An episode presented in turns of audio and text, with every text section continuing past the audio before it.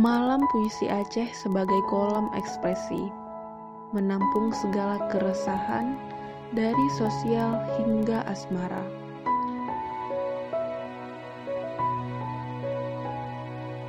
Malam Puisi Aceh sebagai megafon, menyuarakan teriakan dan rintihan dari siapa saja kepada siapa saja.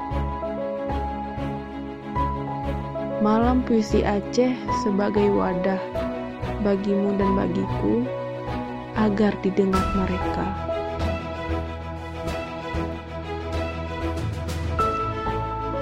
Jiwa yang meronta ingin kebebasan.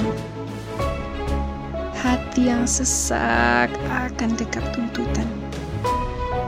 Dan air mata yang jatuh atas berbagai alasan Sebenarnya membutuhkan wadah dan mencampur adukan segalanya di sini menumpahkan apa-apa yang terasa menyengat dalam pikiran.